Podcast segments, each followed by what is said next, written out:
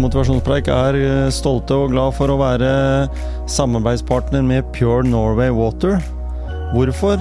Gå inn på purenorwaywater.com, så vet du.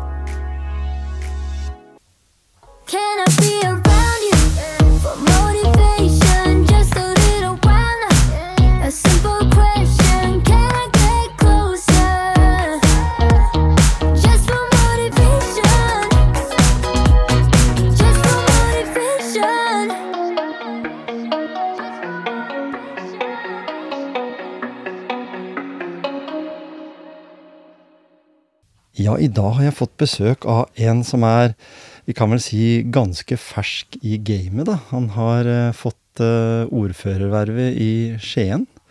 Uh, Marius Roheim Aarvold, velkommen til Motivasjonspreik. Jo, tusen hjertelig takk for invitasjonen. Du ble født i det herrens år da vi hadde OL på Lillehammer. Det stemmer. 94. Ja, ikke sant? så du, så du fikk jo ikke akkurat med deg så veldig mye av det, det, men det var jo sånn, det var typisk norsk. Ja. Det, den olympiaden der. Det er, liksom, det, er, det er OL, og så er det eh, EU EU-avstemninga, da. Det er liksom de to eh, begivenhetene, da. Og så ble jeg født, da. Ja, så ble du født. Det var tre store begivenheter det året. Men du har jo da vokst opp i Skien. Først så skal vi jo si da at du vant et valg som var kanskje et det var sånn, er de skrev, ellevilt. Mm. Føltes det det den kvelden der? Ja, jeg husker når jeg fikk de eh, skal vi si, forhåndsstemmetallene, Ja. eh, og, og jeg fikk liksom Høyre var størst i Skien, og jeg bare Da kjente jeg at da ble jeg litt sånn mo i knærne. tenkte jeg ja, nå kan det jo faktisk gå her! Eh, og tallene dunka jo inn utover kvelden, og de andre partiene og, og konstellasjonene på en måte eh, begynte å vise frem da, hvor, hvor dette kunne gå. Eh, så da utover kvelden så tenkte jeg at jøss, nå, nå får vi det til. Mm. Så det var ufattelig moro. Det var det, og det var ikke noen konvolutt fra Valebjørnen og sånn som kom med Nei. 11-12 stemmer. Sånn. Eh, det var, du, du kan si at det var jo på, på natta der, så var det liksom én stemme overvekt som Høyre hadde på uh, for å liksom være det største partiet. Og så tenker jeg sånn, det hadde vært ufattelig gøy hvis det var liksom én stemme. Det, har jo- det har jo ikke noe liksom, spiller ikke noen rolle om det er én eller om det er ti, eh, men det er liksom ekstra moro når det bare var én, da. Men uh, etter finstetellingen så var det vel 37 det blei på slutten her, men at vi blei størst.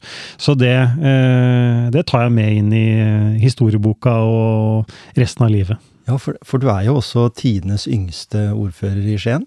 Ja, Og vi har jeg- hatt litt ordførere opp igjennom. Vi har det, og jeg, når jeg var på sånn uh, konferanse da, med de nye Høyre-ordførerne Vi har jo fått 107 Høyre-ordførere rundt omkring i Norge. Mhm. Og eh, da er jeg altså da den yngste Høyre-ordføreren av alle sammen. Ja. Eh, og det er klart at eh, en ting er å være en eh, Det er jo hatt noen sånn 19-åringer som har vært ordfører rundt omkring, men det er jo ofte sånne småkommuner på 1000-1200 innbyggere. Mm. Men det er klart når vi begynner å snakke 56 000, så tror jeg nok jeg er den yngste rundt omkring på, på det nivået der. Så det, er gjevt. Jeg er litt stolt. Jeg er veldig stolt. Mm. så det er store sko å fylle, men jeg har heldigvis litt føtter som romer også, Ja. så jeg satser på at det skal gå bra. Og kule sokker. Jo, takk for det. Ja, det er liksom- det er liksom, eh, hverdagen kan jo være litt kjedelig noen ganger, og da jeg liksom kunne se litt ned og, og ha litt sånn fargerike, spreke sokker, det løfter dagen litt. Grann. Det er kult, og det var jo en, eh, en kjent komiker, eh, Rolf Wesenlund, han har elska jo å gå i røde sokker, vet jeg. Sier du det? Ja, Ja, det Ja, han var, skal vi si, tilbake til barndommen. Det, han er jo en av mine favoritter med Fleksnes og det her, så det er en av favorittene. Ja for, ja, for det, før vi får vite litt mer om oppveksten din, så, så liker du det der litt sånn uh, gamle Du, du digger Frank Sinatra. Mm. Og det er jo Jeg ser jo eldstedattera vår har fått en sånn forkjærlighet for Elvis. Så det er, og, du er litt eldre enn deg, bare, men allikevel. eh, det er noe med de gamle, gode, solide artistene, er det ikke det? Mm. Jo, jeg, jeg er jo åpenbart født på, i feil tiår, for å si det sånn. eh, for det, jeg digger på en måte musikk som er liksom fra altså, 60-, 70-, 80-tallet. Det er liksom Ja, det er favoritten min, da. Det er da jeg mente Det er, det er da den ordentlige musikken ble laga. Nå er det på en måte bare litt sånn eh, Ja, litt, litt andre melodier. Eh, så jeg vet om jeg har levd før. Jeg, jeg, jeg er ikke noe, noe sånn eh, spirituell av meg, men eh, man må begynne å lure, altså. For det, det, er, det fenger meg godt, altså. Men fortell litt om oppveksten din, da. Du har vokst opp på Kleiva. Jeg har vokst opp på Kleiva, så jeg er eh, ekte Kleiva-gutt. Eh, born and raised i, i eh, Skien. Moren min er fra Bø, og faren min er fra Larvik. Ja. Og bodde her, og, og der vokste jeg da opp med min tvillingsøster, så jeg har en, en tvilling. Og har på en måte vært på østsida av Skien eh, hele livet mitt. Mm. og trivdes veldig godt eh, rundt eh, Kleivskolen som jeg gikk på der, og trygge, gode oppvekstmiljø da, sammen med venner som jeg fortsatt har i dag. da. Ja, så var det vel litt sånn også Jeg er vokst opp her på Gjemsø, eller i Gråten faktisk, litt Ja. lenger ned. Det var litt sånn samme sted, bare at det var Her var det jo veldig arbeiderklassen, Mm. jeg har inntrykk av. Det var vel det der oppe òg, for det var vel en del Ja. som jobba på Union og, og områdene rundt. Ja. Så, så det blir jo litt sånn eh, Det var vel nok å finne på der. Selv Mm. om du er noen år yngre, så var det jo nok å finne på på Kleiva. Ja da, og det er jo oppe på Kleiva der, så er vi jo Stormbanen som det er Mm. kort vei til, og Skogholt nedi, som vi på en måte kunne drive og fekte og bygge trehytter og ja, det som trengs, da. Så det var et sånt eh, godt oppvekstmiljø for eh, småtråkk som skulle eh, oppdage verden. Og så hadde du Gjerpensdalen med Børsesjø rett i nærheten òg, som var sånn litt mer eksotisk, kanskje? Ja, I klart. vi var på din tid. Ja, det skal jeg love deg. Og vi var jo på noen ekskursjoner, hvis man skal kalle det det, da, Mm. med barneskolen og skulle isfiske på, i Børsesjø. Så jeg har vært eh, nedpå der noen par ganger, ja. Mm. Du vokste opp med dysleksi. Mm. Det er jo ikke noe sånn en på en måte mister med åra, men du har jo sikkert lært deg noen metoder eh, Ja. på det. Men eh, det var kanskje ikke Det var i hvert fall ikke enkelt når jeg vokste opp å ha det, og definitivt ikke noe enklere når, når du vokste opp, selv om du er 94-modell. Nei, det er, eh, det er jo faren min. Det er jo på en måte han skal vi si, har fått det fra. da. Ja. Eh, og, og han er jo 75 år i dag, så han fikk jo meg ganske sen alder. og han fortalte jo det at da, du var, da var du dum på skolen, eh, altså ordblind eh, som på en måte var den gangen. Eh, så det er klart at eh, heldigvis så har jo på en måte tidene forandra seg, og det har blitt på en måte mer hjelpemidler og, og eh, støtte rundt det. Eh, Så fikk jeg jo på en måte utredning eh, og, og diagnosen da, eh, i syvende klasse. Så det var jo på en måte mange år fram til det med røde streker og eh, frustrasjon da, om at eh, hva, hva i all verden er det som ikke jeg får til. Eh, Så det var på en måte Det var jo krevende. Og så har jeg alltid vært glad i å presentere og snakke. Så har jeg jo kompensert for den manglende skal vi si, skriftlige evnen, da. Eh, Som på en måte har gjort at jeg har opplevd mestring, da. Og det er vel kanskje noe av det viktigste når man vokser opp, at man føler at man får til noe, da. Så, så det har jo på en måte alltid gått bra, og det er vel det som er med mange gründere rundt omkring. eh, som en fellestrekk for veldig mange av de er jo at de har dysleksi, eh, som man motkompenserer på et eller annet annet. da. Så eh, man lærer, lærte seg noen teknikker ikke sant, med hvert fall når hun skulle flørte med jenter og sånn, da, så skrev jeg inn på Google da, det jeg skulle skrive Ja, på. Messenger, for eksempel. Da. Eller MSN var det jo den gangen, da. Mm. Da skrev jeg inn på Google teksten, og så eh, Da kom jo 'mente du', eh, og så klippet jeg og limte inn den. Så da. fikk du Da alternativet. fikk jeg alternativene og, og det riktig skrevet, da. Ja, ja, for, og så må det jo sies at du er jo i et parti der en har en partileder som faktisk har det òg. Så du ser jo, du, en vet, du vet jo du hvor langt en kan nå. Ja, ja, ja. Så, så det, er, eh, det er heldigvis ikke noe begrensning i det hele tatt. Nei. Og det er veldig gode hjelpemidler i dag. Og, eh, og det er på en måte mer en forståelse og aksept Mm. i samfunnet. Men det er klart at eh, jeg syns det alltid er flaut når jeg liksom sender inn forslag og at det går litt fort, da. Og så er det noen skrivefeil. Eh, eh, Så får jeg litt hjelp noen ganger òg, ja. Det var en liten eh, skriveleif der, da, så må, må få retta opp den. Så jeg, jeg syns ikke det er noe gjevt når jeg gjør feil, men, men jeg tar meg i at eh, sånn er det noen ganger. Og så er det kanskje mest frustrerende når en er av den i barndomstida. Fordi det er liksom da er jo sjøl veldig usikker på seg sjøl. Den er jo tross alt eh, et nytt produkt her i verden. Og så og så kan skjønne hvorfor skal jeg ha, ha de For det er, ikke, det er ikke alle skoler eller alle lærere som helt skjønner det. Noen ganger kan det jo være også i kombinasjon med noen andre bokstavdiagnoser, så da blir det jo i hvert fall sett på som en, en villbasse som ikke er interessert i skolen. Og du er jo tilhenger Altså, Høyre er jo sånn kjent tilhenger av en god skole. Det har jeg jo også funnet ut at det er en viktig sak for deg. Mm. Har det noe med din egen skolehverdag å gjøre? Altså hvordan du hadde det sjøl? Ja, på sett og vis så, så har det jo det, fordi skolen er på en måte fundamentet for at man på en måte skal kunne eh, skal vi si, eh, bli det man ønsker her i livet. da. Mm. og nå på en måte vet at eh, det som på en måte er den aller aller viktigste faktoren for at man skal på en måte kunne lykkes, så er på en måte å ha en god lærer. Det er liksom 101, da. Eh, og jeg vet jo hvor viktig det er å ha gode lærere, eh, og jeg har vært heldig med det i min oppvekst, eh, på, både på eh, barneskolen og ungdomsskolen og videregående, og ha på en måte lærere som har forstått den, de tingene jeg har slitt med, og lagt til rette og hjelpe meg, både på når jeg fikk det da, på, på barneskolen, og så siste klasse der, og kom over da til ungdomsskolen, og da var det eh, spesialundervisning da, som jeg fikk fra spesiallærer på skolen, og, og norsklæreren min eh, ga ekstra oppgaver som jeg på en måte kunne øve på, tilrettela, eh, og på videregående så var det liksom gode lærere der også som, som bisto og hjalp, da. Så, så, og jeg har jo hatt, eh, skal vi si, dårlige lærere også, som vi alle har hatt. Eh, eh, Og heldigvis var ikke det i norskfaget. Eh, ellers så tror jeg det kunne vært veldig krevende. Eh, så, så ja, jeg vet hvor enormt viktig det er å, å ha en god lærer. da. Og det er en av forutsetningene for at eh, jeg mener at det er den viktigste politiske oppgaven vi har. da. Mm. Og vi, vi vet jo det at eh, Høyre har alltid kjempa for en én form for skole. Eh, er du litt tenkende når vi er, først har kommet til skoletida, da. eh, er du egentlig litt sånn Jeg tenker sånn Jeg syns at det er altfor mange tilfeldigheter i skolen fortsatt, i Norge. At det ikke er liksom en formel som sier at det, sånn skal det funke, og så vil alle gå gjennom den samme læringa. Det er jo forskjell på mennesker, men utdanningsløpet til en lærer er jo, burde være nokså likt, så du burde tenke kanskje veldig likt. For ellers er det sånn at du kan gå på den skolen, så har du kjempeuflaks fordi vi hadde, en, som du sa, en dårlig lærer. Ja. Og så er det utslaget bare på Hvis du vil bli sykepleier, så kommer du ikke inn fordi du fikk en dårlig karakter i det faget, og så er du kanskje ganske dyktig, da. Mm. Det er veldig synd at det blir sånn, tenker jeg da. Ja. Eh, tenker du noe på det når dere forsøker da å bygge en, en bedre skole? Mm.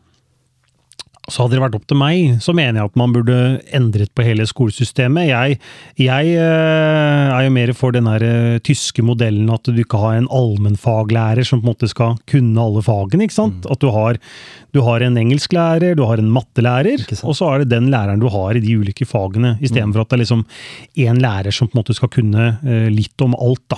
De kan nok mye om alt også, altså. men, men jeg, har nok, eh, jeg tror nok det kunne vært en, en, eh, en god måte. Også, Vi er ikke der at vi har muligheten til det, men det på en måte viser jo bare hvor ufattelig avhengig vi er da, av at eh, hvis ikke en lærer fungerer, da, Mm. så må man gripe fatt i det. Og vi må ha en ledelse som eh, skal vi si, tør å endre da, når ting ikke funker. Eh, Og Derfor så har jeg vært veldig opptatt av når vi har nasjonale prøver, og du liksom ser eh, skal vi si, du ser et system i det, da, at det er noen klasser som ikke klarer å løfte seg i mattefaget, f.eks. Ja. Hvorfor er det sånn? Mm. Eh, og da må man gå inn ja, Er det læreren? Er, eh, er det på en måte måten man eh, lærer på som er gått ut på dato?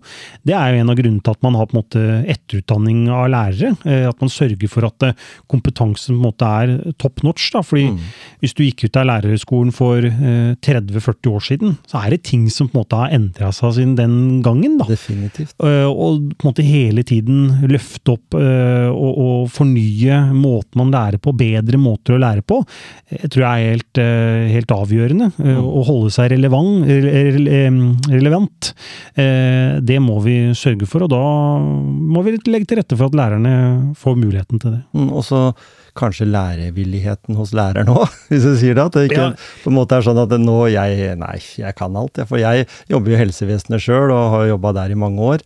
Eh, Men eh, definitivt blir jeg aldri utlært. Og jeg har kolleger som har jobba der i 40 år, og de sier det samme. Ja, og det, og det er jo ufattelig gøy, da. For det Ja. mest paradoksale her er jo at en del lærere er jo mot denne etterutdanninga. Mhm. Fordi at man mener at det er avskilting av lærere. At ja, men vi har så mye erfaring og, og kompetanse. Mm. Ja, men det er ikke det det handler handler om. Det Nei. handler om at det, verden øh, endrer seg, man får nye kunnskap og andre liksom, eh, smarte måter å gjøre ting på. da. Mhm. Eh, og da er det liksom det å, å få på, faglig påfyll. Jeg har aldri noe feil med det. Nei. eh, Og spesielt ikke for lærerne, som Nei. burde liksom vite viktigheten av det her. Mm. Da kan det hende at de er så flinke at de liksom sitter på kveldstiden og liksom sitter og pugger og, og leser seg og liksom har ikke behov for å sette på seg på en skolebenk igjen. Men når det er vel 90% som sier som har vært gjennom det, da, sier at her har man fått et utbytte av det, viser jo at det, det er relevant og det er eh, fornuftig. da. Så eh, vi må holde den fanen der høyt. Ja. Eh, Så kommer vi til dette her med valg som også satser på politikk. Du var jo i Høyre Ungdom, eller Unge Høyre. Unge Høyre, ja. Mm. Eh, og da har du på en måte fått inn med teskje, kan jeg vel si, for det jo du har kommet inn i politikken så tidlig du kan. Mhm. Eh, hva gjorde at du da, som vokste opp på Kleiva og sånn, valgte Høyre? Jeg meldte meg jo inn i, i Unge Høyre i 2011, Mm. eh, og har alltid vært veldig samfunnsengasjert. da. Når jeg har liksom sett på nyhetene, så har jeg alltid spurt sånn, ja, hvorfor er det sånn? Eh, vært veldig spørrende barn, da. Eh, hvorfor er samfunnet som vi har det?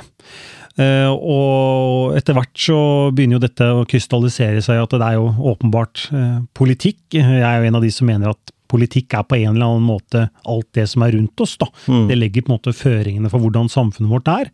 Og eh, da fant jeg ut at eh, ja, skal jeg eh, skal vi si, har noen påvirkning da, på disse tingene som er rundt oss, så må jeg jo komme meg inn i en eller annen politisk parti. da. Og da fant jeg på en måte ut at det er jo skal vi si, den borgerlige siden som er det som tiltaler meg mest. For jeg har vært liksom veldig opptatt av hva, er det som, hva er det som skal gjøre at noen skal bestemme over mitt liv? da? Hvorfor er det noen som mener at de vet bedre enn det jeg selv vet? Eh, og da var det liksom, da sto det liksom mellom Venstre, eh, eh, Høyre og Frp, da, som var liksom de partiene det sto mellom. Og så satte jeg meg ned, gikk inn i partiprogrammene og tenkte ok, hvem er det som tiltaler meg mest? Og da var det Høyre som blei partiet som, som jeg falt ned på, da. og Resten er historie, kan du si. Ja. Mm. Ja, for, for når du da var aktiv, du, du tok jo noe utdannelse, du gikk jo på skole. Mm. Uh, gikk du lokalt her, på videregående? Ja, jeg gikk på, uh, på Først så gikk jeg på service og samferdsel, eh, og så gikk jeg på påbygg, da. Ja. På Hjalmar.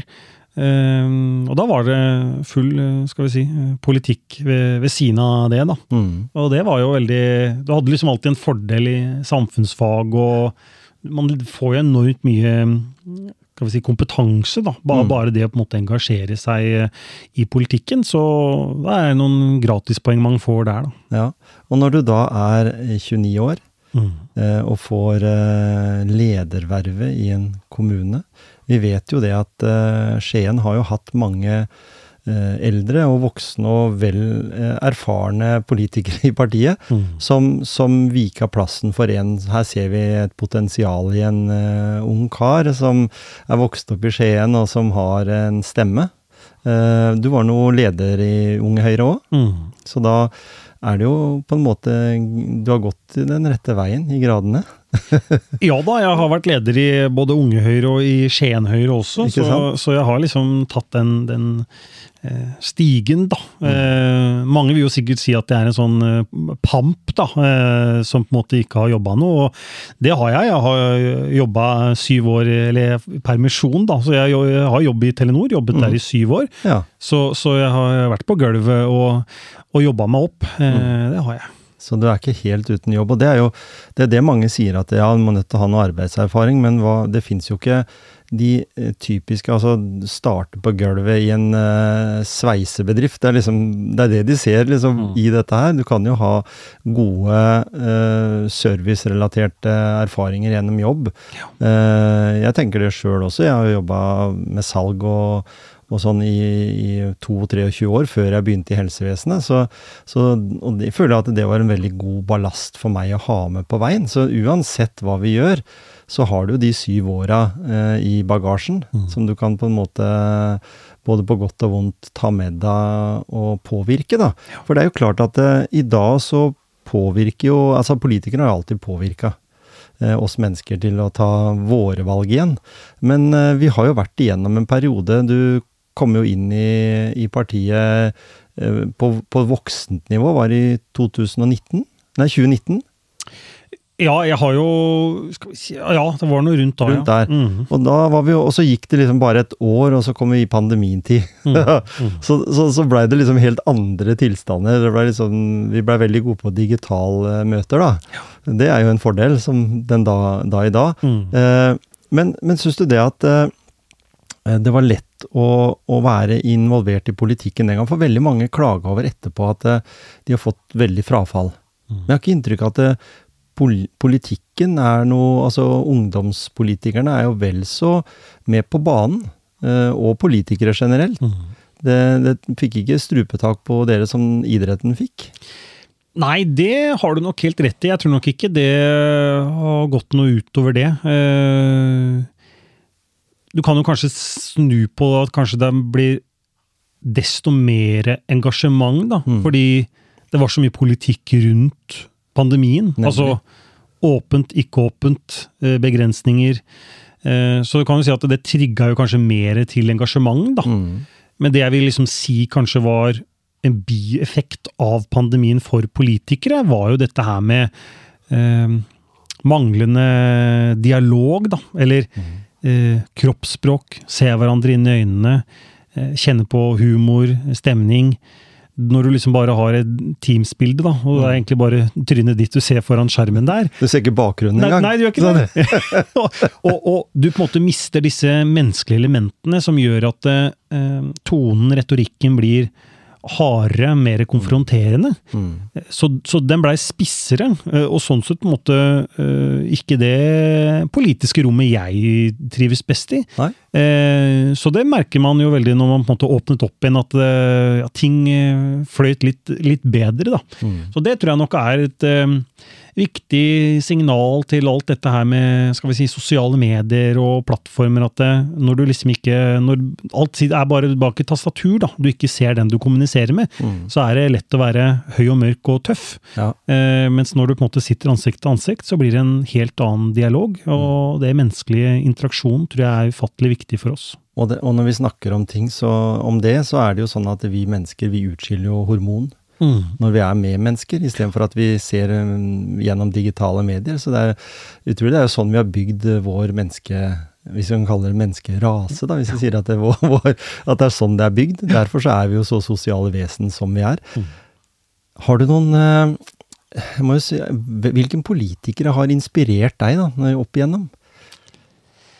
Nei, altså det, det er jo typisk da en eh, konservativ høyremann sier liksom Winston Churchill, men det er klart at han er jo, eh, han er jo rå eh, for det han var eh, gjennom på, på, på 40-tallet. Eh, men ja, sånn i moderne tid så er det klart at eh, Erna Solberg som den politiske maktpersonen hun er, da. Altså, hun er virkelig et, et forbilde.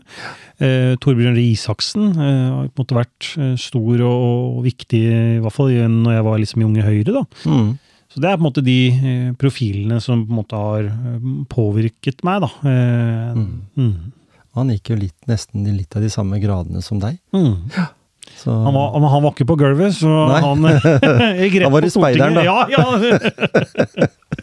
så, så det hadde han med seg. Mm. Uh, men ditt forhold til det å være aktiv, det er klart at eh, du har blitt pappa. Mm. Gratulerer, selv om det er litt siden Nå begynner den å Barnet ditt og Jeg var jente. Jente, ja. Ja. Mm. Begynner å bestemme litt i hjemmet allerede, vil jeg tro. Det, der er nå På søndag var et halvt år. Ja. Så det, det begynner å ta seg til. Så det er liksom eh, Det er noe nytt hver eneste uke. Så det er eh, helt magisk. Så dere er, en, dere er en politisk familie. Du har kone som også er politisk aktiv. Mm. Eh, kanskje ikke så aktiv nå, da, for det er noen som må være hjemme med den lille jenta òg, men etter hvert så, så kommer hun sikkert eh, tilbake igjen. Eh, diskuterer dere mye politikk? Ja, veldig mye politikk. Det er jo liksom eh, det vi Det var sånn vi fant hverandre, og, Ja. og en av på en måte eh, skal vi si, grunnen til at vi holder sammen, at eh, vi, vi, vi har på en måte en felles lidenskap. da. Mm. Og Det tror jeg er jo en fordel i ethvert forhold. Eh, Og så er det jo viktig for alt det er litt friksjon også, så vi er jo ikke enige om alt heller. Eh, Selv om vi er i samme parti. Eh, Så, så det er eh, noe jeg setter veldig pris på, da. At man, man kan ha den på hjemmebanen også. Mm. Men er det, er, det god, er det god læring for dere? Føler du at det er god læring at du har en sparringspartner Mm. på hjemmebane som dere kan på en måte prate istedenfor at det, kanskje en må ut og leite etter den? Ja, ja, det vil jeg absolutt si. At man kan uh, skjerpe uh, skal vi si, retorikken, argumentene. Eh, det er jo ekstra fordel når vi på en måte er uenige om en del saker også. Ja, ja. At man liksom, Og så er hun jo ufattelig god, da, så jeg blir jo irritert på henne veldig mange ganger også. fordi at det er det som er utfordringen med et forhold. For at eh, det er å svelge disse kamelene, og man innser at eh, underveis i, i diskusjonen at eh, en selv tar feil. Mm. Og det er jo alltid like vondt å innrømme at eh, nå, nå har du rett her. Eh, så det er ikke alltid jeg gir henne den eh, gevinsten med en gang. Men, eh, men eh, ja, det er eh, absolutt en, en, en ting som vi deler sammen. Har du måttet bite i det sure eplet noen gang, for å si det på den måten? Det skal jeg love deg. Ja. Når, når vi er i eh, politikken i dag, så hadde jeg et eh, spørsmål som vi må nødt til å ta opp. Mm. Eh, fra min gode venn Gisle Johnsen, som var med på podkasten før. Så fikk jeg en sånn spørsmål. Du må nødt til å høre med Marius om hvorfor skal vi stå i matkø? Mm. Og du har jo brent litt for det. Du har jo sagt ifra det ganske Både i, i valgkampen, men også etterpå, så har du jo vært litt opptatt av det. Jeg, jeg får sånn grøsninga på ryggen nå når jeg sa det. For jeg tenker at det bør det være sånn i Norge i dag? Nei, det bør ikke være sånn, og det skal ikke være sånn. Nei. Og jeg eh, forundrer meg over hvorfor det er sånn også. Fordi vi, skal, vi har på en måte Nav, da, som skal være det sikkerhetsnettet som skal passe på at eh, Mm. ikke noen trenger å stå i skal vi si, fattigkøen for å, for å få på en måte et mat på bordet. Nei. Um, og jeg har selv vært eh, hos Nav og besøkt de og spurt hvor, hvorfor er det sånn. Og så er det på en måte det et uh, Det kommer liksom det typiske, ja, det er sammensatt. Uh, og så tror jeg det er liksom ulike årsaker til hvorfor på en måte noen velger å stå i køen. Uh, altså En av utfordringsbildene, da, som jeg var på besøk hos Lope, som driver med mikrointegrering, Mm. og som de forteller at eh, hvis du eh, er Hvis du kommer da som flyktning, da, så du skal bli norsk statsborger, og du søker eh, og du har en prosess på det, og hvis du søker da om sosialhjelp, så mister du da altså retten til en, eller å søke om norsk statsborgerskap. da. Så mange av de eh, flyktningene som, som er her, da, eh, de tør ikke å, å gå på Nav, da, som på en måte skal sørge for at du har mat på bordet. Mm. fordi da kan de ikke bli norsk statsborgere, som på en måte er en viktig mål, da, å Ja, ja. oppnå det. Så det er jo en av tenker, utfordringene, da. Mm. At vi har et system som eh, som gjør at noen da tenker at ja, men da, eh, da, da kan jeg ikke gå på Nei, det diskriminerer jo det. Ja, det vil jeg jo Hvis man kan si det på den måten. Ja, ja. Og, og så er det klart det er noen eh, det er noen gode argumenter sikkert for hvorfor det er sånn. Altså, det er en grunn for at ting er som de er, men det er, klart, det er jo en utfordring. Og så er det klart at det er noen familier som, eh, som på en måte sliter med å få enden til å gå opp, eller at man tenker at eh, da går jeg heller og henter en, en matpose, og så kan jeg prioritere å kjøpe klær, eller jeg kan kjøpe noe annet da, istedenfor å på en måte bruke de pengene jeg fikk av Nav på å kjøpe mat. Eh, så, så det er jo noen på en måte ulike grunner til hvorfor vi gjør det, og så er det Så er det noen som, eh, som på en måte Som vi på en måte får tilbakemelding fra de som Matsentralen, da. Eh, At det er noen, det er noen aktører som, eh, som drar rundt omkring og eh, skal vi si mis, misbruker, da. Altså at man ser muligheten til å hente, at man kan få, få ekstra. Sånn vil det alltid være, ja. på godt og vondt. Så, så det er nok ulike grunner for hvorfor den køen øker. Eh, men det er klart at med de prisene som er så høye som de er nå, Mm.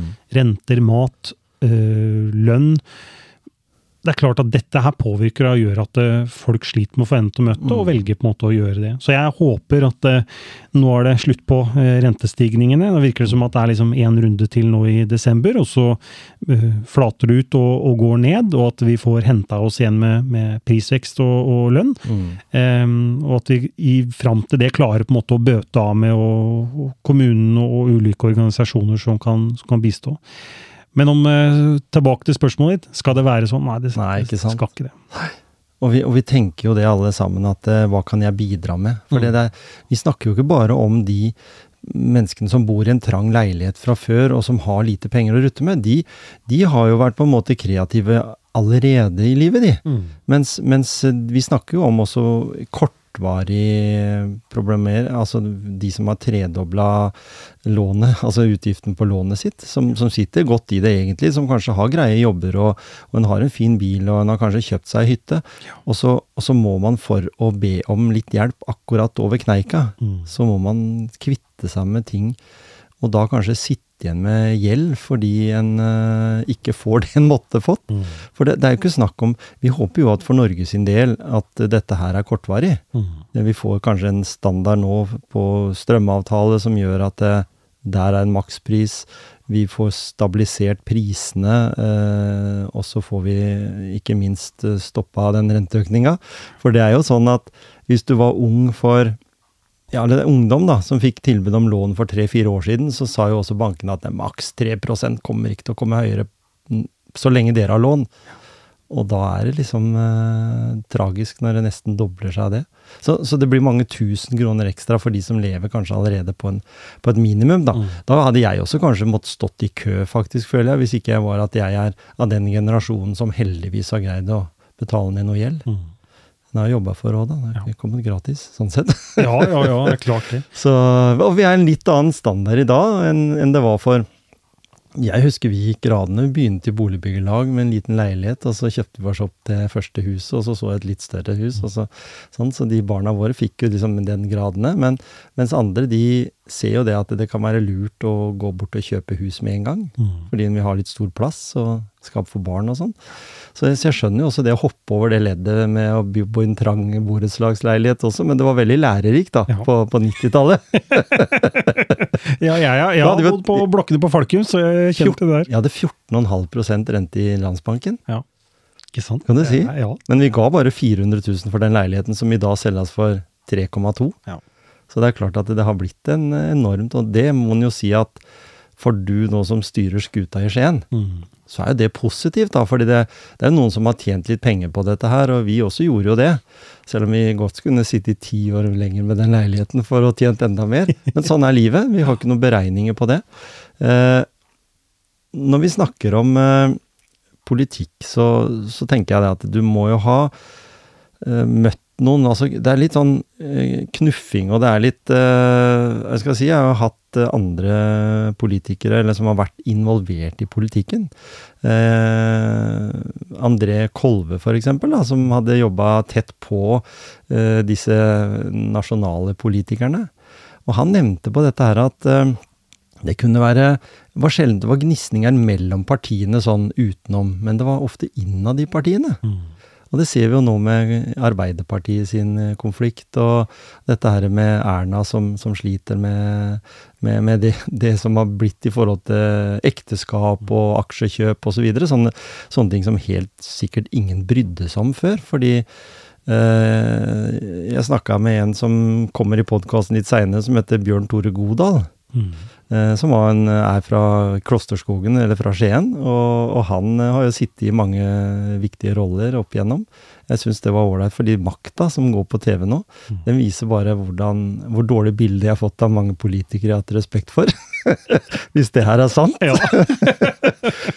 Og da tenker jeg eh, Det er jo sånn at det, det virker som det er en maktkamp. Det er litt sånn Borgen, som du ser på den danske serien. Det er eh, veldig mange som kjemper for eh, posisjoner. Eh, hvor viktig er det? Hvor viktig er det å kjempe om den posisjonen, hvis du tenker at det, Ta det over i idretten, da.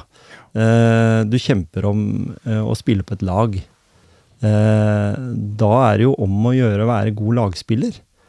Så får jeg inntrykk av at i noen partier så er det en krig internt. Vi er jo liksom Alle menneskene de er en, av, av, samme kjøtt og blod, på en måte, og så, og så skal de ha så ulike agendaer. Er det sunt for politikken? Det var mange spørsmål på en gang, men Ja, hva, nei, altså det, Du drar jo opp noen gode, gode spørsmål her, og det er klart at ehm, Dette er nok veldig individuelt, men det er klart at eh, det, det er på en måte resultatet av Skal vi si når Altså makt, da. Mm. Altså, og ulike personer søker jo makt. Og noen, det er jo med ledere også. Du har jo noen, noen som helst ikke burde vært ledere. Du har Mm. Ja. noen som helst ikke burde vært politikere. Fordi de har noen egenskaper som gjør at det, det er kanskje ikke akkurat ja, At de, de, de vil på en måte bare ha det for maktens skyld, da. Mm. Eh, og for egen del da, så kan jeg si at eh, jeg, jeg er jo en, en eh, Jeg går på en måte under det livsmotet at eh, de folka jeg møter på vei opp, er de samme folka jeg møter på vei ned. Mhm. Og at man på en måte skal eh, ha respekt for den posisjonen man er i nå, og tenke at jeg er heldig som har kommet dit, og at ja. man skal ha respekt for de folka som, som er rundt seg. Mm. Eh, og jeg er Selv så er jeg altså, til dels konfliktsky, og tenker at jeg har liksom ikke behov for å lage Altså, jeg, jeg går ikke liksom inn i konfliktene hvis ikke jeg trenger det, da. Eh, og det hørte jeg mm, Jens Stoltenberg også eh, er, konfliktsky. Mm. Han sier at eh, eh, verden skulle hatt flere konfliktsky politikere. Ja. For da hadde vi sluppet alle de der krigene. Mm. Og jeg tror nok at det, det er mye av utfordringen med litt sånn store egoer som på en måte skal bruske og, og være litt sånn høye og mørke. Men det er klart at eh, i politikken så altså Én ting er når det er liksom snakk om eh, ulike politiske retninger, da, ikke sant. For at eh, vi kan jo ha ulike syn på hvordan man skal løse de politiske sakene, og da kan jo det være en, en maktkamp internt på hvilken retning er det partiet skal gå. Og det er jo mye av. Og så har du på en måte det som ikke er noe gøy, og som man på en måte ikke ønsker å ha. eh, Og det er den usunne maktkampen når det går på person, da. eh, At man liksom eh, Skittkasting og, og, og møkkapakker og alt det greiene her. Det er liksom den slitsomme delen, da. Og jeg, jeg tenker at det er jo den usunne maktkampen. Og så tenker jeg at det er sunt at det er en maktkamp om hvilken politisk retning er det man tenker er riktig, da. Mm. Eh, For sånn skal det jo være. Eh, Ellers så går jo ikke man videre eller blir noe av det, da. Eh, Det er iallfall noen av de refleksjonene som jeg har ja, ut av de spørsmålene. Men tenk, tenker du da jeg, jeg er litt opptatt av det. jeg synes liksom Når vi er inne på politikk, så tenker jeg vi har jo både den nasjonale og så har vi den lokale.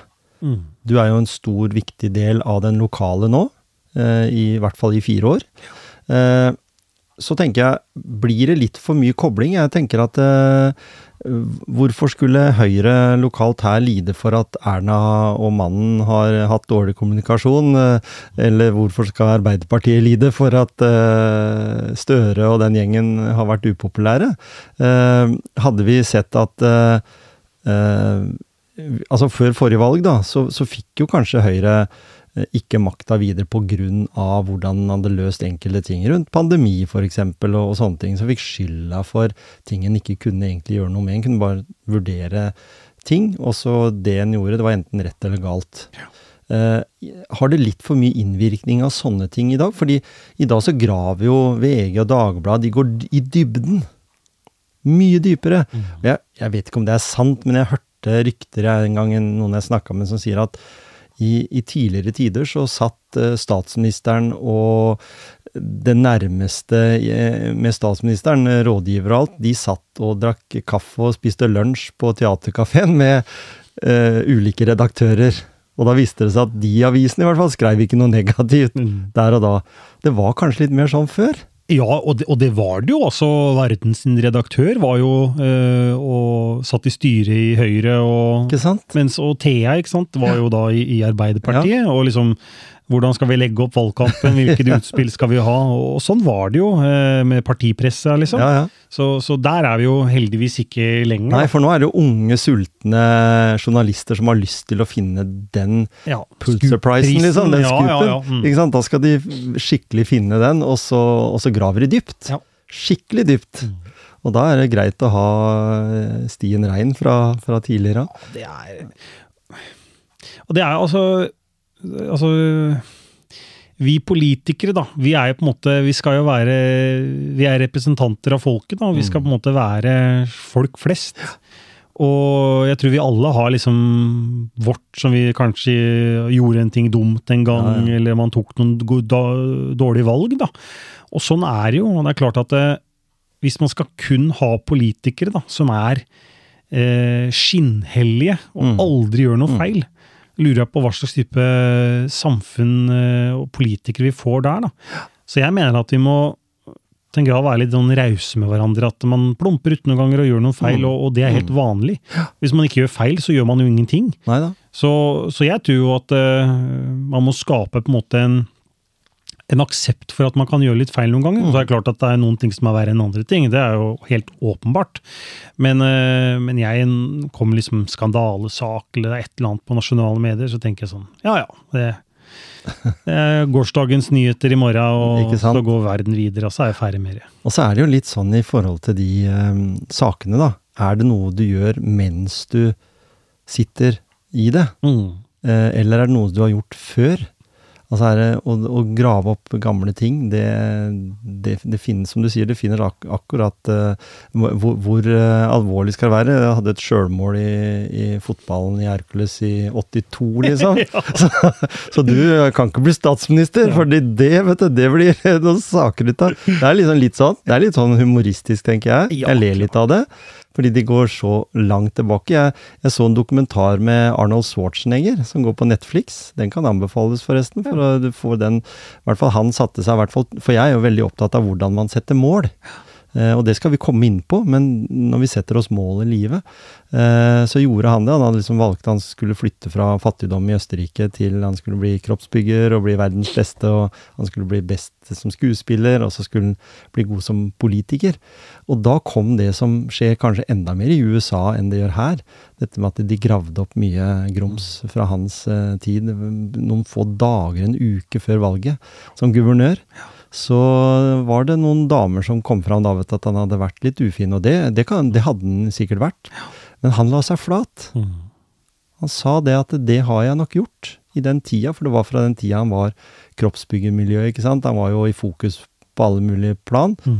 og kunne nok innrømme at han hadde vært litt ufin mot noen, og det beklaga han, og la seg flat. Mens innrømmelse er kanskje noe av det vanskeligste vi har her i livet, å innrømme at eh, en har gjort feil.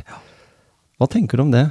Jeg tenker jo at det er, eh, det er helt riktig, eh, og jeg tror at vi politikere må bli mye flinkere til å innrømme når vi gjør feil. Mm. Altså når vi gjør politiske vedtak som vi i ettertid ser at det, oi, dette ble jo ikke sånn som vi tenkte, eller det var ikke det, var ikke det som var intensjonen. Og at man på en måte ikke skal At det blir sånne eh, eh, hellige kuer, da. Som Ja. man på en måte skal forsvare til enhver pris, fordi at man liksom har gått så høyt ut. da. Og det tror jeg man eh, må bli mye flinkere til, og jeg mener at det står respekt av politikere som, som gjør det. Mm. Um, og så tenker jeg jo at eh, vi som, som samfunn, som jeg var inne på, da, vi må på en måte akseptere at uh, ja, ting eh, blir litt feil noen ganger, og det må vi måtte akseptere. Og jeg opplever at eh, når man gjør det, da, når man legger seg flat, og det er eh, oppriktig, da, Ja. eh, og, og det er på en måte ikke noe skade skjedd, da, for å si det på den måten, så opplever jeg at folk aksepterer det og syns at det er helt greit. Mm. Du vil jo alltid ha kommentatorer som skal ha store klikkannonser, og du har noen troll på eh, sosiale medier. Mm. Men når du prater med folk rundt på middagsbord, og, så opplever jeg liksom at eh, aksept og forståelse, at eh, Mm. sånn er det. Og, så, så jeg tenker at man, eh, man noen ganger må tenke at det er ikke så ille som forsida på avisa eller eh, noen kommentarer på, på Facebook. Det er liksom Ja, det er større enn som så. Ikke sant? Når vi tenker tilbake, når var det det på en måte klikka inn hos deg at du hadde lyst til å komme så langt i politikken som den, det du sitter i nå? Du må jo ha hatt det som en sånn Det er liksom litt sånn som en fotballspiller, da, som jeg var inne på her i stad. Fotballspiller, Du har lyst til å bli proff, liksom, for nå er du jo proff. Nå lever du av å være ordfører og politiker. Liksom. Du, når, når begynte du å tenke at det har jeg sinnssykt lyst til? Nei, altså jeg har jo Jeg har alltid blitt på en måte trekt mot lederroller, da. Mm. Altså elevråd, russepresident. Eh, leder eh, Altså ta en lederrolle hvis eh, gutta skal på sydentur, eller altså Organisere, da. Være å ha ansvar. Har liksom alltid vært opptatt av. Og opplevd det har vært en naturlig posisjon for meg å ta, og opplevd at jeg har gjort det på en måte som gjør at måte, folk er fornøyde, da, opplever ivaretatt, god stemning. Eh, så det har på en måte alltid vært der. Eh, og når man på en måte engasjerer seg i på en måte, politikken, så resulterer jo på en måte det i lederposisjoner at det er eh, Det følger på en måte konkret makt med det, da. Mm. Eh, og jeg de, de har jo tulla fra sånn jeg gikk på jeg gikk ut av videregående, da, så tulla at ja, vi var en avslutning da, vi ser deg vel på TV snart, eller et eller annet, da. At du skal bli statsminister, eller noe sånt, da. Og det er klart at det, det må jo være noe som, med meg som de oppfatter at det, det er en rolle som jeg, enten er naturlig, eller at en tenker at ja, det en gang der fremme, kanskje. Eh, og det har jeg på en måte alltid tenkt at ja, det hadde vært ufattelig moro og gøy hvis det skjedde. Eh, og jeg, har, jeg er en av de som mener at du, hvis du har lyst på noe, så må du si det. Mm. Eh, Så jeg, når jeg har blitt spurt, og folk har liksom Ja, kunne du tenke deg å vært ordfører? Liksom, ja, det kunne jeg tenke meg. Det hadde Ja. vært uh, veldig, veldig eh, moro. Eh, og noen er jo der at nei, man burde liksom ikke si det, og prosesser og diverse. Men hvis ikke folk vet at du er interessert, så blir du på en måte heller aldri eh, kanskje regna med, da. Så, så det har på en måte vært bevisst for meg hele tiden. Og så har jeg liksom visst at eh, politikken, livet er tilfeldigheter, og, og man, noen ganger er det flaks også. Eh, så når eh, muligheten ba seg om muligheten, så tenkte jeg ja ja, da bare kjører jeg på, da. Og så får vi se hvordan det går. Og så gikk det som det gikk. Ja. Kan jeg spørre da om eh, dine politiske ambisjoner, eller? Ja, Nå er det jo kommet så langt som du kan her i Skien, Ja. hvis du ser sånn. ja det og, og det er to år til et uh, stortingsvalg. Mm. Eller i hvert fall et uh, valg innafor, og da uh, ligger jo veldig an til at det også blir et maktskifte der, da. Hvis Mm. en ser tendensen som har vært nå. Det skal vi da skal de trylle fram noen sinnssyke ting. De som sitter der inne nå, i hvert fall. Ja, man har jo lært i politikken, så er eh, skal vi si, to år er veldig lang tid. Så det er mye som kan skje. Men det er klart at uh, Hvis de ringte, hvis de ringte da fra statsministerens kontor, Mm, og Erna satt som statsminister, for det er mest sannsynlig, hun er jo den kandidaten, mm. uh, hva hadde Marius uh, svart da? Hvis han ble spurt? Da hadde jeg sagt nei. Ja. ja. Det er eh, Klart det blir jo litt feil det her, da, men altså, det er jo ufattelig mye jobb. Mm. Eh, og så er det mye jobb å være ordfører. Ja. Men eh, jeg kan jo til en viss grad bestemme hverdagen min, da.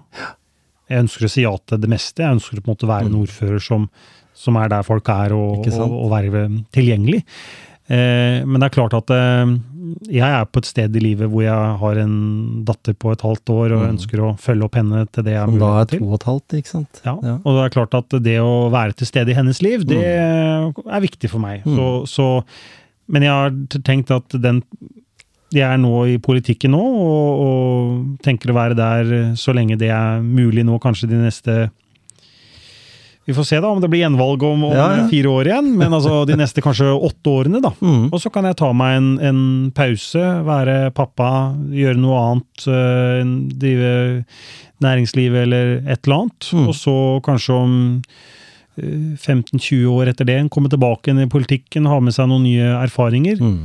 Um, så en eller annen gang i livet mitt så kunne jeg tenkt meg å liksom sitte på Stortinget. Det hadde, vært, det hadde liksom vært en sånn fjør i hatten. Ja. Men det er klart, de som sier at de, de har vært ordfører, og så har de kommet inn på Stortinget, så var det mye bedre å være ordfører. Ja, det vet er liksom den, det er den gjeveste jobben. ja. Så Mye pendling blir vet du, siden Ja. du må inn dit, og så er det bo på en trang liten hybel, og så Nei, det høres ikke veldig fristende ut. Men, men å være i regjering, det er vel stas, men det er også veldig mye arbeid, da. Ja. Eh, og som du sier, modenheten, den følger jo også deg, som, Mm. som alle andre.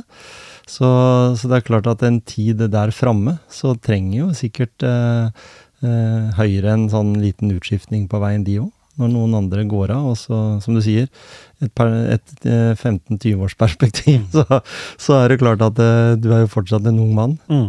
Ja da, man, man skal aldri si aldri, og, og på en måte hva, hva fremtiden har å bringe. Men, eh, men akkurat nå så har jeg liksom tenkt at nei, statsråd, det, det, det blir for mye jobb. Ja, Det er en, eh, hva skal jeg si, det er en utakknemlig jobb. det er det, vet du. Jeg, jeg er valgt som ordfører i fire år, og de får ikke kasta meg heller. Er liksom, eh, mens det å sitte i regjering, det er, eh, det er brutalt.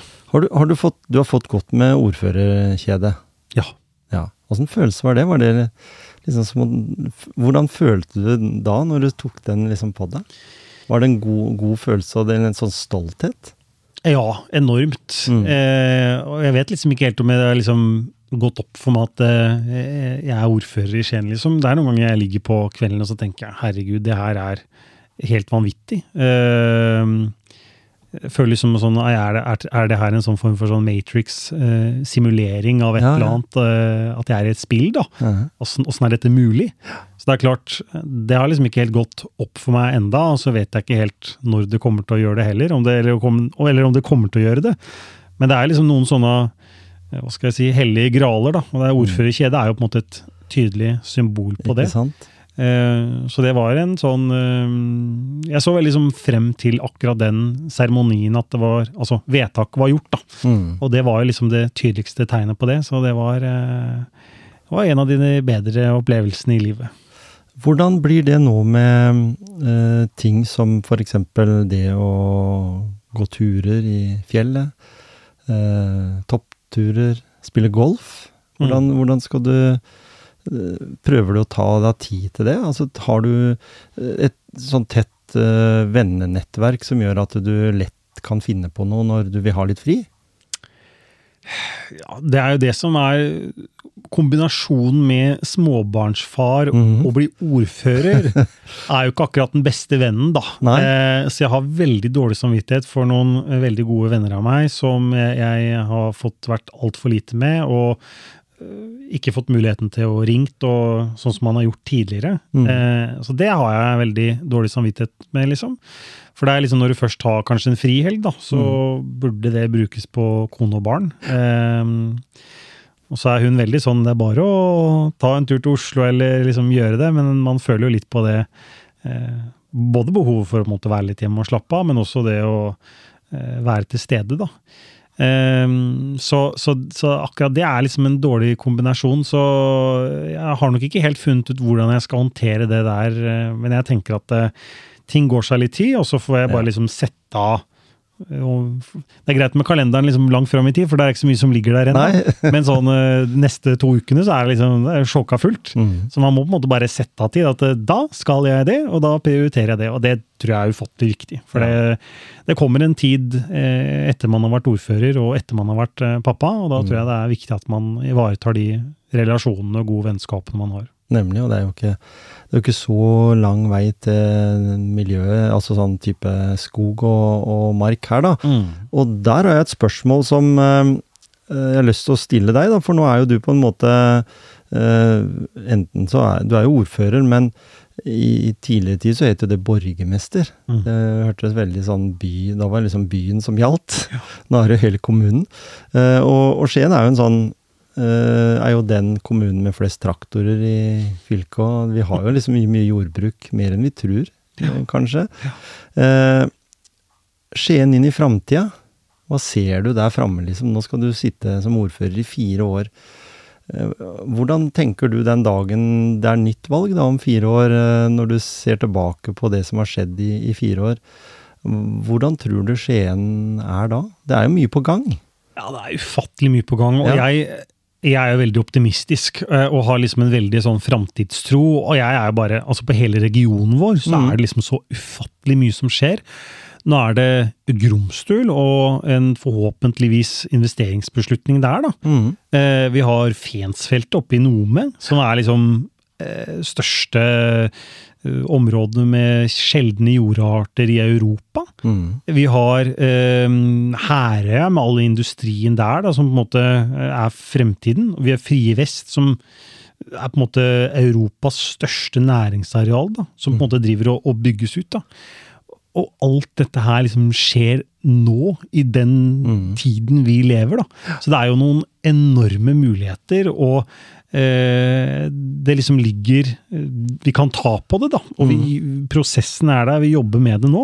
Så, så jeg mener jo at det, det er liksom i Grenland det skjer, da. Mm. Det er her det, den nye, skal vi si, fremtidens bedrifter og eh, teknologiske muligheter ligger. Så, så vi er liksom der eh, oljebyen Stavanger var når, når de fant olja. Så Ja, jeg, jeg er liksom enormt optimistisk for regionen vår. Og der, og der har vi jo den tanken, og jeg har alltid vært sånn grenlandstanken, jeg da tenker at vi må stå sammen.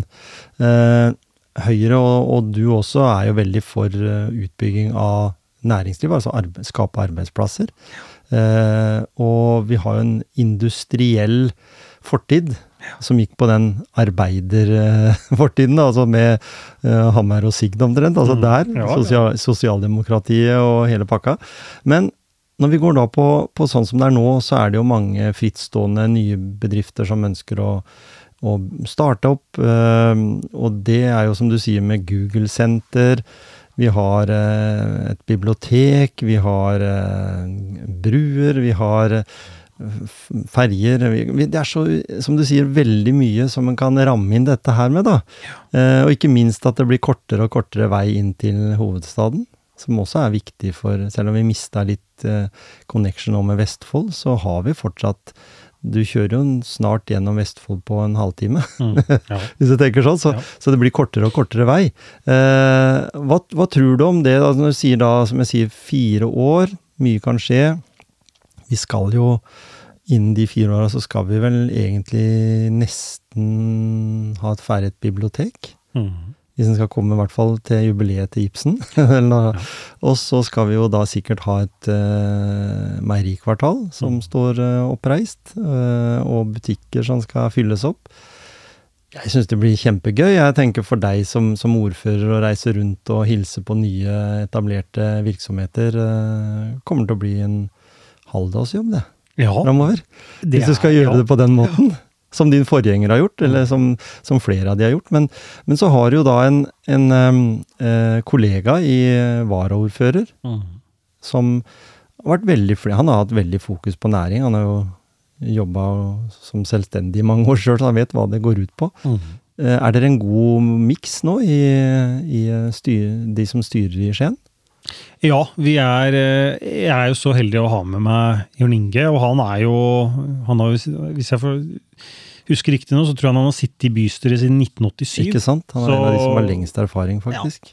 Og, og Jørn Inge som person er ufattelig altså, godt, varmt, eh, kunnskapsrikt menneske. Så, altså, på det personlige planet så connecter vi veldig godt. Da. Mm. Vi er liksom et godt team, Ja. eh, og det burde man jo helst være når jeg er liksom min Mm. nærmeste medarbeider de neste fire årene. Så det er jeg veldig takknemlig for. Så vi, vi utfyller hverandre veldig godt, og han eh, backer opp og er en virkelig sånn ja, primus motor. Da. Mm. Så det, så det setter jeg veldig pris på.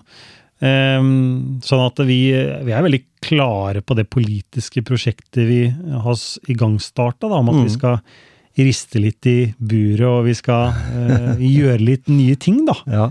Og vi skal prioritere de tingene vi mener er på en måte det viktigste, da. Mm. Eh, sånn at det neste året eh, kommer nok til å, å ja, At det blir noen fakkeltog og, og folk som er forbanna. Mm. Eh, Men det er klart, det er politikk, og det er omprioriteringer som man må gjøre da, når man Nemlig. mener at noe er viktigere enn noe annet. Mm. Og det er jobben vår, så det må vi stå i.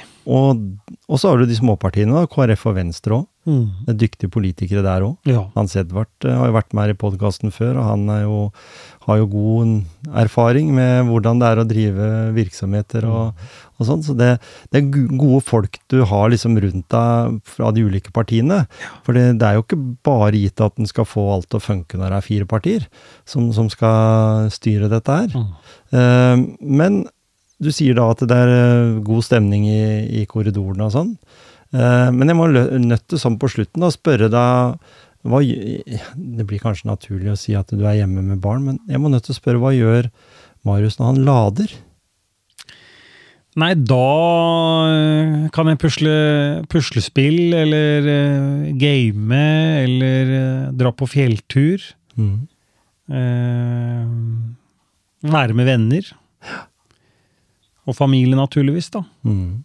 Det å sitte og se på en serie elsker jeg. Så jeg er jo, øh, jeg er jo litt sånn, egentlig litt sånn introvert. Så det å bare slappe av å være aleine hjemme en, en helg, eksempel, er helt fantastisk. Ja, ja. Og bare gjøre akkurat det, jeg- det jeg vil. Mm. Så det, da koser jeg meg meget godt. Da tenker jeg at vi har fått eh, vite mye om deg. Eh, Det skal bli artig også å spørre deg igjen seinere, når du har fått enda litt mer erfaring, hvor langt du har kommet. f.eks. om et års tid. Jeg, jeg klora meg fast, jeg, akkurat som du innen politikken, så jeg klora meg fast i podkastverden. Så, så da skal vi kanskje se at det, ja, ja, det gikk jo som du har sagt, og, og, og sånn. Og jeg tenkte det at jeg pleier å gå veldig mye sånn hettegenser. Mm. Det hadde jeg ikke på meg da, for jeg tok på meg skjorte. Ja. Og den måtte, jeg, den måtte jeg ta med, liksom, for det, den syns jeg var kul. Den når du satte litt sånn standard for at den skal være litt eh, godt velkledd. Det er jo, om ikke uniformering, så, så er vel det litt sånn Det det er jo tross alt ehm, det er, Det er en viktig arena dere presterer. Dere jo, tar jo viktige avgjørelser for oss. 55 000 mennesker liksom i, i kommunen, så skal dere ta viktige avgjørelser. Bli litt sånn joggedress og skateboard, ikke helt den samme. Selv om du kan sikkert ha på deg en, en type sånn løsning når du går i skauen du òg, da. Ja, ja, ja. Det er klart. Jeg, jeg går gjerne i eh, skal vi si, hettegenser og, og joggebukse hjemme. Jeg er på en søndag og, og bare slapper av. Men eh, det er klart det blei litt sånn artig det Ja. intervjuet hvor jeg, jeg, jeg sa det liksom med, med glimt i øyet og humor, ja, med at eh, det går kaldt nedover ryggen på meg hvis jeg ser liksom en hettegenser i bystyresalen. Så med en gang jeg sa det, så tenkte jeg fader heller, dette blir jo overskriften, og det gjorde det naturligvis. Eh, men det er klart at det, det ligger jo på en måte Det ligger jo et alvor bak det, i den grad av at det, det er som du er inne på, da. altså vi eh, representerer på en måte flere eh, altså Hver person i bystyret har vel rundt en 300 mennesker som på en måte har stemt deg inn. da.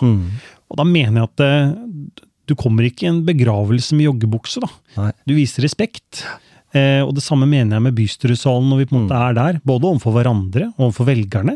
Eh, så skal det på en måte det skal stå litt høyt. Mm. Eh, og den respekten mener jeg at vi må, må vise. Det er jeg enig med deg i, og det er faktisk sånn at du Hvis du spoler tilbake igjen eh, 100 år, eller 50 år bare, så var jo Da gikk det jo nesten med sånn kjole og hvitt. Ja. Når det var møtene, liksom. Det var ordentlig sånn eh, høyt, høyt og prestisje. Ja, til og med flosshatt har jeg sett Ja, på. ja, ja. så. Veldig hyggelig, Marius, at du kom til motivasjonspreik. Eh, takk for en veldig hyggelig prat. Eh, håper at de lytterne har fått med seg litt og blitt litt bedre kjent med deg òg. Liksom litt sånn. Og så for å lykke til med alle de eh, avgjørelsene du skal ta fremover på vegne av oss, oss beboerne. Takk for det. Lykke til. Veldig, veldig hyggelig å være her.